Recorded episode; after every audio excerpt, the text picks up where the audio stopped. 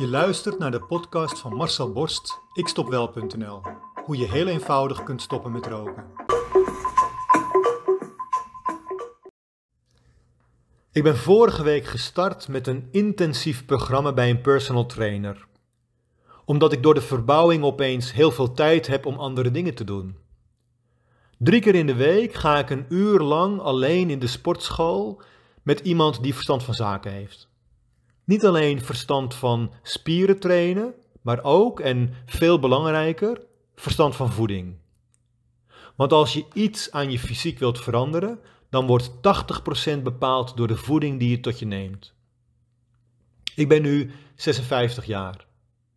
De mannen uit mijn vriendenkring zijn inmiddels allemaal al gelukkig getrouwd en hebben hun gezinnetje. Zij verklaren mij voor gek dat ik nu vijf keer in de week mezelf in het zweet werk, waarvan drie dagen met begeleiding. Zij deden dat vroeger ook. Ze voetbalden tot ze een jaar of 25 waren. Toen nam het bierbuikje het al snel over. De vrouwen waren veroverd en het nut van sporten werd al snel minder. Nu zitten ze El Bundy-stijl met hun hand in de broek op de bank tv te kijken en roepen naar hun vrouw en kinderen wat ze nodig hebben. Zet even koffie. Deur achter je kont dicht. Lichten uit als je weggaat. Ondertussen is er niets meer over van dat goddelijke lijf waar hun vrouw destijds zo verliefd op was geworden. En waar ik als mager scharminkel ook stiekem graag naar keek. Ieder zijn ding. Bij mij is het, net als al het andere, toch weer net iets anders gegaan. Mijn lichaam is namelijk mijn tempel. Ik wil dat zo lang mogelijk, zo goed mogelijk onderhouden. Want ik heb er maar één. En als ik die verwaarloos, dan is het snel gedaan. En dus start ik vanaf vandaag met een streng dieet.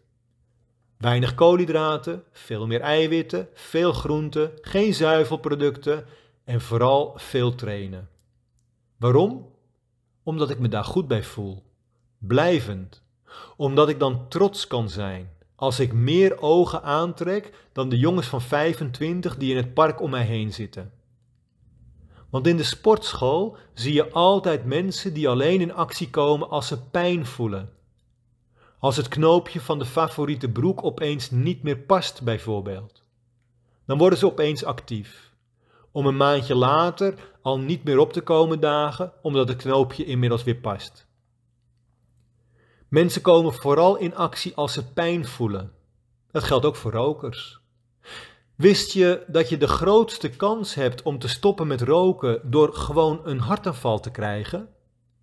Maar liefst 42% van de rokers stopt definitief na een hartaanval. Waarom? Omdat ze bijna dood waren. En dat doet pijn. Dan kom je opeens wel in actie. Maar helaas overleeft 75% van de rokers een eerste hartaanval niet. Zij hoeven dus ook hun rookgedrag niet meer te veranderen. Het knoopje van hun broek zal nooit meer te strak zitten. Stoppen met roken doe je dus niet pas als je pijn voelt. Stoppen met roken doe je omdat je diep in je hart weet en voelt dat je het liefst zo lang mogelijk en zo fijn mogelijk wil zijn waar jij nu bent. In je leven. Met je dierbaren. Met de mensen waar jij van houdt om je heen. De mensen die van jou houden.